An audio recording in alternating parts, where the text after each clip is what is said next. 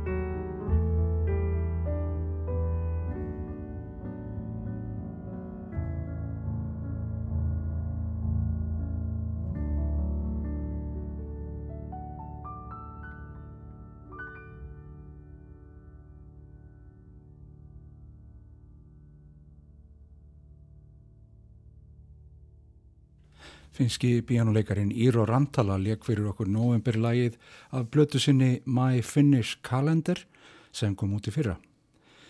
Hann er um 50 Rantala og rambar á milli klassískra tónlistar og jazz í sinni spilamennsku og tónsmíðum. Því nú þannig háttaði hjá bísna mörgu tónlistarfólki að það kemur víða við svona stílrænt séð. Á post-digital tímum er allt undir hvaðan og hvenar sem það kemur. Við fáum hér næst tónlist eftir bretan Max Richter sem hefur verið ábyrjandir í kvikmyndatónlist alls konar og er alls ófeimin við að blanda áhrifum fyrri tíma saman við nútímanleiri hljóðheim. Hann hefur til að mynda endur samið ástíður við Valdís og kannski má greina eitthvað þeirri vinnu í novemberlæginu hans sem kom út fyrst fyrir hartnær 20 árum síðan en var að koma út í þessari útgáfu norska fyrirleikarans Mari Samuelsen.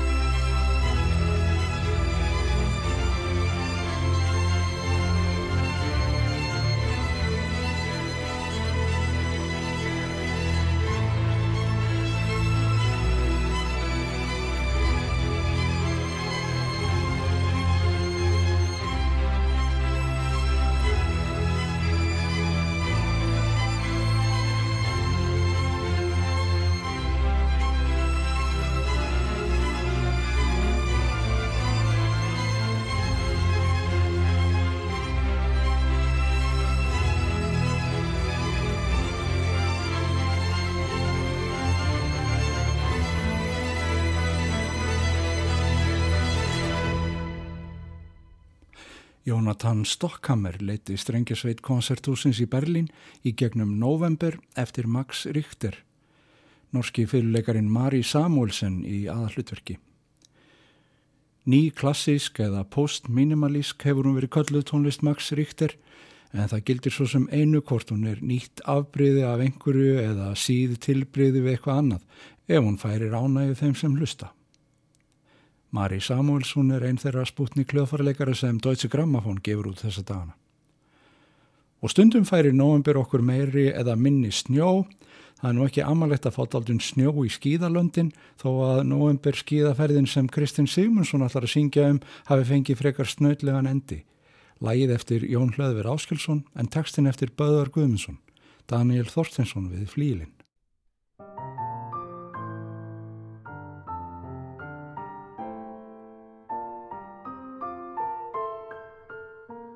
Hér er vetur, heldur betur, fönn yfir mýri og mó. Hörku gattur og glórulaus í það. Nú er upplagt að skref skýði og skemta sér segir Gíða hæ hæ og hó en liftan er enn ekki og líðin brött eins og skrýða mér er um og hó Eimingi segir Gíða svo ég fer á skýði í skýðasnjó Hafið þið bröstu brekkur með skýðin á bakinu, hafið þið það. Hverjum finnst á að fögur sér hlýðin, lafmóður, stend ég á brekkubrún í beljandi róki. Og nú af stað, segir Gíða, og Gíða fer alltaf beina brauð, Aldrei til vinstri og aldrei til hæri spegir hún. Hallin er svo lítill að ég nenni því ekki, segir hún. Ég sé hana hverfa á fljúandi ferð í fannfýta íðu. Nýður þessa næstum þvernýftu skriðu. Hún drepur sig, hugsa ég hrættur og reyni að elda, svegi til hægri, svegi til vinstri, oftast alveg að velta. Og heyrist ég heyra brotjóð og hróp, bæði sár og mörg. Það er gíða, hugsa ég hrættur, og rapar hún fyrir björg. Og áfram veltist ég ofan á jafnsléttu, regni á kaldan klett, kalla dett. Svo stendur hún allt í einu yfir mér föllnum, skíðanna drottning með skærasta brosið af öllum. Aldrei sá nokkur svo indislegt bros á fjöllum, bros sem af öllum ber og segir Af hverju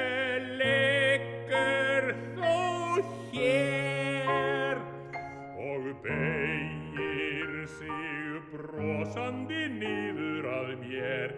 Hvar er þér íst skal ég kissa á meitið og hristir hrímgaðan lokkin þá verð ég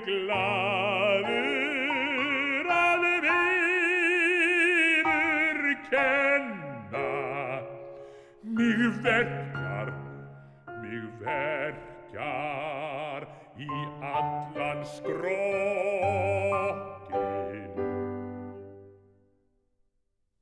Mig verkjar í allan skrokkin söng Kristinn Sigmundsson og talsverði yfirferða að kissa á allt báttið þegar um svo háasna mennir að ræða. Ljóðaflokkur Jóns Hlöðvers Áskilssonar, Söngvar Mánadana, er nýkomin út á plötu með þeim Kristni og Daniel Þorstensinni píjónuleikara. Þessi teksti eftir Böðvar Guðmundsson. Og þá er komið að því að heyra í hirti Yngva Jóhansinni.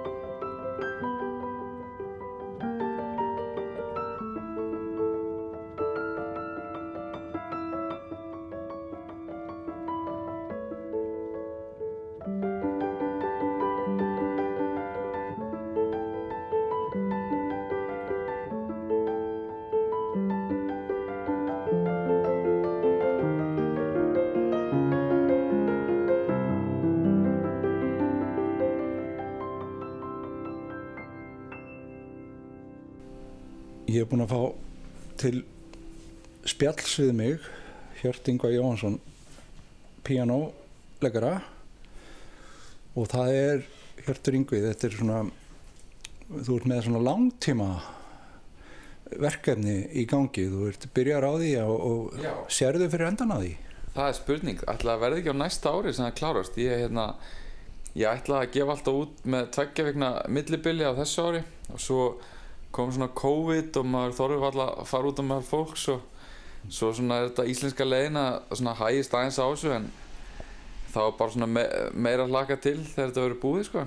En hérna, já, en ég er sem sagt að gefa út hérna lög sem sagt í öllum tóntegundunum, þannig að 24 lög. Og já, og það kemur út rafrænt og hérna kannski einhvern tíman jafnvel í förstu formi. Þetta er nú svona algeng glíma píjónuleikara, tónlistarsögunar það er að, að taka þennan pakka sko. Sjóstakovits og, og margir, margir fleiri. Akkurat, þetta er annars vegar er maður með sko krómatísk eins og Bach var með alltaf í C og C-mólus og Cs og svo framvegs Mm. og hins vegar gegnum fimmundaríkin hann er og Chopin. Og ég er að fara þá leiðirunni ég, og hérna þetta byrjaði eiginlega hjá mér þannig að ég var sem sagt hérna þegar ma maður svo ofta spila í koktelbóðum og svona og hérna kannski að spila í 2-3 tíma og maður vildi svona nýta hennan tíma til þess að svona læra eitthvað í leiðinni sko. Þannig að ég var kannski með einhverja standarda og þá segi ég ok, nú byrja ég að spila þennan standard í sétur svo finn ég lag í mól og svo, svo framvegs og svo var þetta einhver, einhvern veginn að bara svona ákveðinni tækni til dæmis að maður er að reyna að semja semja músík og fá hugmyndir. Þá er mjög fínt að skipta alltaf reglu um tóntöndi því að það resetar svolítið hugan þannig að en eins og þú segir já það er klálega fyrirmyndir í klassísku tónlist en svona kannski síður í sem sagt ég er svona ég er einhver staðar á milli, ég veit ekki ég, hef svona unni í öllum geirum eins og margir hér þannig að eik, einhver element úr klassík, jazz og poppi sko. Þannig að þetta er svona vera einmitt eins taka það mótel og, og færa það í svolítið nýjan búning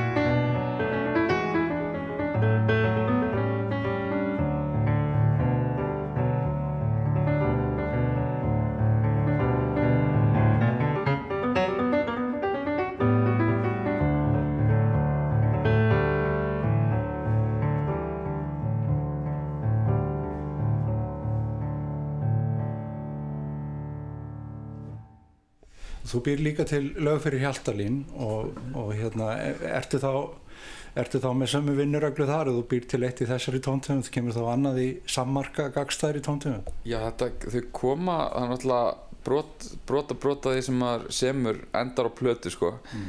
en svona hugmyndavinnan hjá mér allavega og ég held að sé hjá fleirum þetta kemur í svona, kemur í svona búndum eða hollum sko þannig að hérna koma svona þrjár, fjóru hugmyndir í einu og einmitt í oft í mismundi tóntöndum sko því að já, svo er náttúrulega þetta gaman líka þú fær einhver hugmynd og prófa hana í mismundi mi- mismundi tóntöndum eins og ég heyri einhvern tímann að Bill Evans þegar hann var að útsetja fyrir tríó sitt þá var hann alveg að brjóta heilan marga daga, vikur hvað er akkurat rétta tóndöndin fyrir þennan standard sko Já. Það er til þessi saga af, af Stravinski líka, hann hafi, það hefur verið honum mikilvægast af öllu að, að sko muna hugmyndina í réttri tóntönd. Já, Kannastu við það? já það make a sense þegar þú segir það sko það hefur auðvitað hver tóndönd sinn lit eða svona sín, sína tilfinningu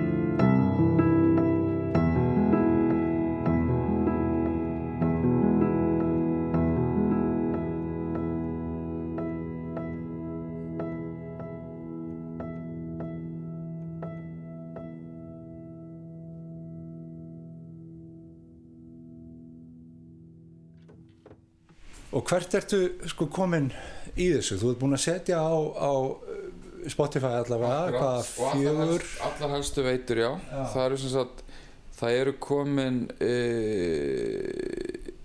í fjögulög og hér fymta kemur á næstu vikum svo er eitt svona aukalag sem sagt sem ég og þetta er í rauninni tvíþætt, það er annars verið þessi útgáfuröð þar sem að koma út lög rafrænt með reglum millibili mm. og hins vegar ef ég með, er ég með þetta koncept fyrir live tónleika. Ná, þá er rauninni spinn ég á staðnum cy- e- eitt cycle sko. Já, 24 lög. Hérna, og ég hef gert það tvísvar, ég gerði það fyrst á Akureyri og svo núna í februar rétt fyrir COVID í Listarn Íslands. Og, hérna, og það er eitt aukalag af þeim tónleikum. Þá hafði hérna Raki Bjarnar, Ragnar Bjarnarsson nýlega látið lífið og ég, svona, ég kynntist honum aðeins í gegnum tónlistina og mér langaði til að tilenga honum lag. Þannig að það er þarna þannig týnist tíminn eftir Bjarnar Guðlusson útgáð mín og því er líka inn á Spotify. Það er svona ekki alveg þetta það er svona smá hliðar. Já. en sem sagt já, það eru komið lög sem sagt og þau heita já, það er kannski, kannski svifta hulna þessu en þau heita sem sagt fyrsta lagi heitir Cascade, það er þá C. Já. svo Aries sem er A og svo framvegist þannig að Þannig að maður getur lesið tóntegundina. í- Akkurat, í- já. Akkurat, þannig að næsta, næsta lag er í, B, er í hérna B-mól og byrjar á B. Það Já. kem, ég ætla ekki að upplustra því hvað það heitir. En ertu, uh, sko, að því þú talar um, þú ert búin að uh, spila þetta tónleikum í einhverju mynd, Já. ertu þá komin með sem sagt ramman að, að öllum lögunum eða ertu að þreyfa þig áfram? Nei, sko tónleikarnir eru bara svona í tæmi alveg hugan og það kemur bara það sem að kemur stundum kemur einhver einhver, hérna, einhver samba og stundum kemur einhver preludía og stundum bara eitthvað eitthva stutt sko eða, eða pop, hvað sem er. En, en ég áskil mér rétt til þess að sko hlusta síðan á það eftir á eins og ég tók upp tónleikana í februar og, og ég nota eitthvað af því þannig að sko það sem við heyrum á Spotify sumt af því er kannski er ég búinn að liggja yfir að semja í stúdíun og sumt er af tónleikum. Þannig að hérna þessi sem sagt þrjú og fjögur, lögin þrjú og fjögur þau eru af tónleikunum. Þau verða til alveg á staðnum. Á meðan eitt og tvö er ég búinn að vera að vinna í stúdíunum þannig að þetta er svolítið svona opið. En Þú talar um að áskilja þig rétt til að breyta þess en, en sko gætu þau þá horfið og komið ný, nýjar útgáfur? Ferðu, tilbaka? það gæti verið, það gæti verið að ég myndi taka til dæmis, ég myndi hlusta á heima hérna er einhver hugmynd sem kemur á tónleikurum sem ég vil aðeins kannski þróa betur sem, út af það þannig náttúrulega sem gerir live tónleika svo skemmtilega og, og eins og þú þekkir náttúrulega live spunatónleika sumt virkar ógíslega vel Já. og sumt alls ekki sko á meðan stúdíoplötur eru svona það er allt freka gott skilur þannig að það er kannski eitthvað, einhverja hugmyndir sem ég get tekið alveg eins og þær eru bara Eit, eitthvað kannski tekið upp aftur og, hérna, og sumt er náttúrulega ekki hægt að búa til á staðnum sem er svona meira komponera sko. Já. Þannig að En þú er, þú er, sagt, það er hluti af aðferðinni að vera með þetta tóntöfundabundi. já, það er svolítið svona pælingin sko. það er hérna það er líka bara fyrir mig mér, það býr til einhvern svona ramma sko. ef þú veist að búa til sérstaklega píanotónlist það, það búið að vera svo ótrúlega mikið af píanotónlist góð, veist, góðri og, og síður góðri píanotónlist og, og hérna og maður til að detta ekki í einhverja klísur þá er mjög gott að einmitt að þú veist sem eitthvað í í físmál sem er kannski ekki algengasta tóntegundin eða bétur skilur Já. að þetta er svona kalla fram eitthvað nýtt kannski sem maður mynd, myndi annars ekki ekki koma með Ertu þegar búin að uppgöta einhverja tóntöfundir sem eiga við þig sem þú vissir ekki af? ekki beint sko ég, ég er eins og náttúrulega úr, margir úr kannski jazzheiminum er mikið fyrir bétóntegundir sko og, og það liggja mjög vel svona tóntegundir eins og Ds og As til dæmis og mín, mínar fyrirmyndir í klassikinni þú veist Chopin og Liszt og fleiri sömdu mikið þessum tóntegund þannig að þær eru ennþá svona í uppáhaldi hjá mér. En, hérna, en það er hægt að finna eitthvað í hver einustu tóntegund meiri segja sétur þótt að hann geti orðið svolítið litlaus stundum Er, er, heyrur þú mun á, á sístúr og destúr? Er þetta einn af þeim? Já, ég, við skulum orða það þannig að ef myndir byggja mig um að spila eitthvað í sístur og destur þá kæmi allt öðruvísi tónlist út Já. og maður myndi náttúrulega heyra mun eða væri á, á þannig hljófæri en á píano náttúrulega heyr, heyrir maður alveg að sama en það er eitthvað við að vera í krossatóndöfund og, og bétóndöfund og maður bétóndöfundunar eru mýkri og meira svona silki að meðan hinnar eru aðeins meira svona röff sko. er skassari. hvassari Já, já. En sko, þetta er náttúrulega, þú talar um langtíma projekt, en Já. ertu búin að gera, setja þér einhver tímamörk? Er- Nú er, hefur verið fjallað mikið um til dæmis verkið hans John Cates sem að Já. var að skipta um hljóm. það var verið að skipta um hljóðum daginn eða ekki, á orgelinu Já. Já, ég held að, ég held að tímara, upprunnulega tímarami var eitt ár og ég held að ef allt gengur vel þá verður þetta svona eitt og hálft þannig að COVID er eiginlega svona maður er alltaf, það er í tísku alltaf á Íslandi en maður er alltaf að vera með einhver afsökun sko, en það er kannski, kannski ekki beint afsökun en það allavega var til þess að, að þetta fór svona svolítið á hold maður var einhvern veginn með hugan annar stað sko. en mér finnst mjög líklegt svona um mið, miðbygg hérna e, miðbygg e, næst ás að þá ætti þetta klárast og maður náttúrulega tónleikarnir verða áfram. Ég vonast til þess að vera með tónleika kannski snemma á næsta ári. E, e, og svo náttúrulega gæti orðið að maður vilji gefa þetta jafnvel út fari, fari eitthvað, einhverja söfnun og gefa þetta út hérna á vínil eða eitthvað svo leiðis Já. gæti alveg verið. Svona, það er skemmtilega þótt að, þótt að veitunar séu auðvitað þetta góðar út af hvað eru aðgengilega fyrir alla en svona En heldur þú uh, eigir eftir að útskrifa þetta alveg sko, þú talar um að halda áfram að spila þetta Já. en uh, þegar þú ert komin með þetta á fast form er, er það þá bara enda punktur? Ég, endapunkturinn á upptökum held ég, þá, þá verður þetta bara þessi plata eða þetta lagasafn, en ég held að konseptið sem slíkt eins og fyrir fyrir hérna tónleika langar mig til að halda áfram því að þetta er svona eitthvað sem ég þú, þú veist, þú ert með skilur þú ert með svona síklus af, af sam, saminni tónlist, út með Chopin, Preludiðnar og svo framvegis og eins og þú nefndir Sjóstakovits og Bach. Svo ertu með svona spuna tónleika þú veist eins og kannski Keith Jarrett sem er sjálfsögðu eina af mínum fyrirmyndum. Ég maður verður að vera heiðilega með það en það, hann spinnur algjörlega tónleika út frá sjálfum sér það sem er í rauninni ekkert sko forman eitt fyrirfram þannig að mér finnst þetta að vera svona einhver skemmtilega millivör sem Já. þannig að mér langar til að halda í það og hérna svo er náttúrulega að taka þetta líka lengra og jafnvel gera þetta vera með duett jafnvel eða, eða tríó þú veist Já. en hérna en ég, það er annað sem ég dreymir um að ég verð með einhverja það verða einhverju gesta tónlistamenn sko, nú eru bara komið fjögur á 24 þannig að Mm. ég er með svona einhverja aðli huga sem ég langar til að vinna með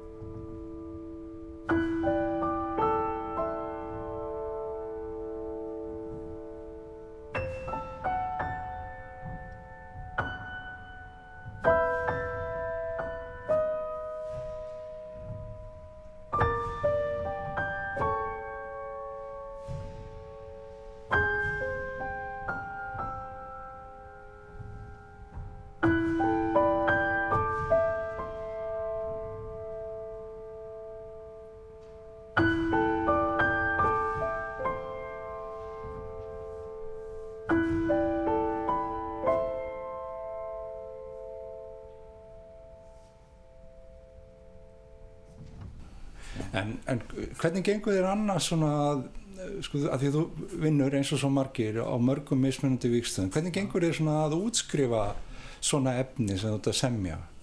Til dæmis eins og þetta og, svo- og hver er þá munurinn á því að, að útskrifa það eins og, og, og þá lag með hjaltalín eða í einhverju annari situasjón? mennur þá með að skrifa niður eða bara með að klára að bara klára það. klára það er, þetta er bara svolítið bútasömmur maður er, þetta er eins og mjög margir heldur tónlistamenn að maður er skilur maður er að gigga maður er að kenna og maður er með krakka og, og hérna ég var sem sagt ég er búinn að vera að spila líka með Bubba ég er í hérna söngleiknum sem var frumsyndur í vor og, og, og, kemur vond aftur núna í haust. Um, það, þetta er svolítið bara að þú verður að finna einhverja punta inn á milli svo ert alltaf með þetta bakveir að þú tekur upp allt þú sest kannski niður og spilar svo ertu kannski vikuna, þú veist í bílnum hlustar ég á þetta er gott, þetta er ekki gott. Þetta snýst bara allt um að finna bara að kunna vel á kalendar eða finna tíma inn á milli þú veist, til þess að en hérna. En, en sko að er auðveldar að, að, að setja endapunktin að maður einn eða í, í hóp? Já, það er örgulega á, á sinnhátt það er, en það er líka kannski ef maður er í hóp þá kemur kannski smá svona já það þarf að fara, að klára þetta en ef maður er einn þá er mjög auðvelt að fresta hlutunum. Það er engin að íta á mann sko. Nei. þannig að en hérna ég er með ósvöldlega gott fólk til dæmis að hann Styrmir Haugsson sem vann líka með, með okkur í Hjaltalín hann hefur verið að hjálpa mér að mixa þetta og ætlar að hjálpa mér að taka þetta upp líka. E, þannig að ég er líka með mjög gott fólk svona sem, sem veitir þessu verkefni svona kvartningu og stuðning? Sem er frábært. Með kór skynnsemisratta í, í kringu þig?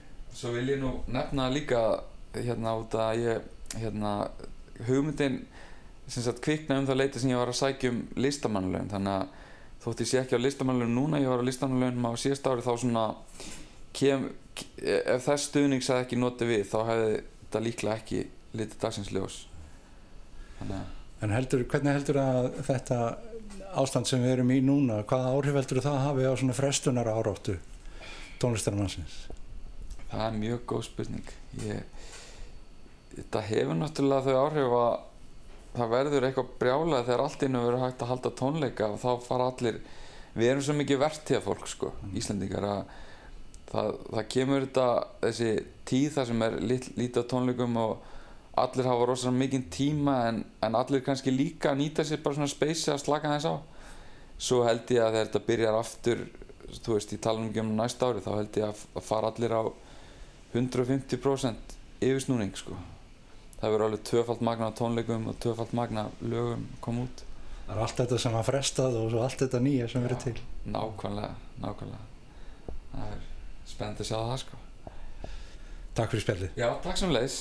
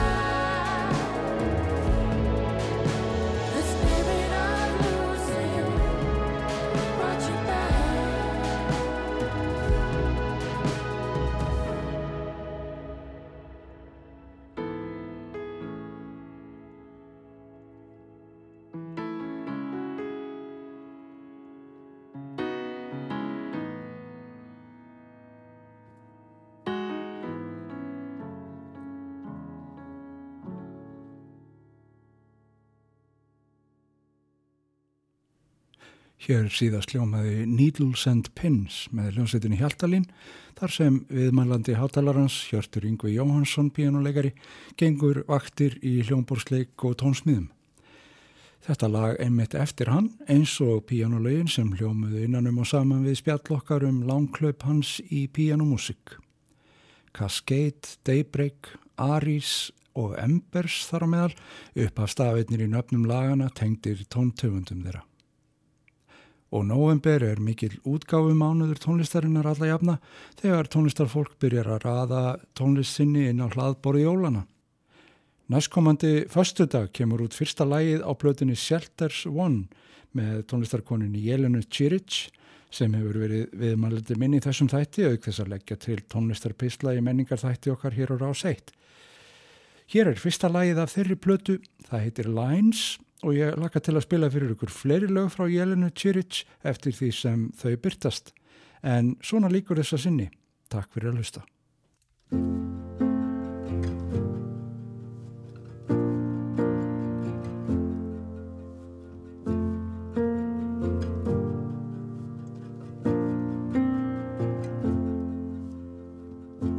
I went to a fortune teller on St. Clair, west of Forest Hill. I know I was curious, had a half hour to kill.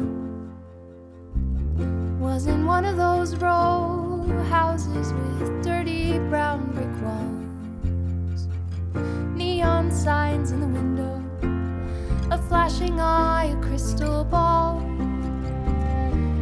Whoa, isn't it something?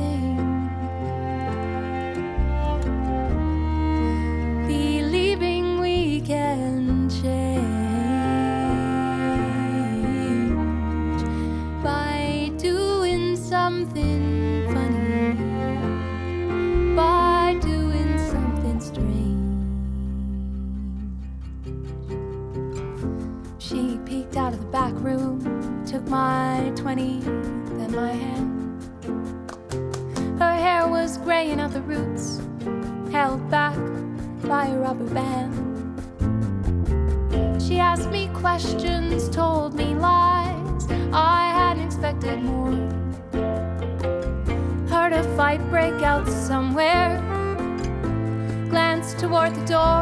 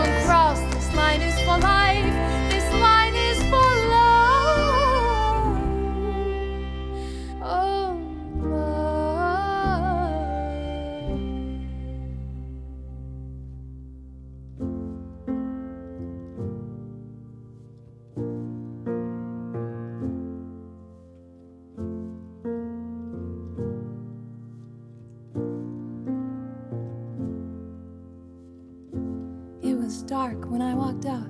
The street smelled like blood and sweat. I wanted to go home, but you hadn't moved out yet. Thought about what I'd been told while I waited for the bus. Turned it over in my mind, tried to make it about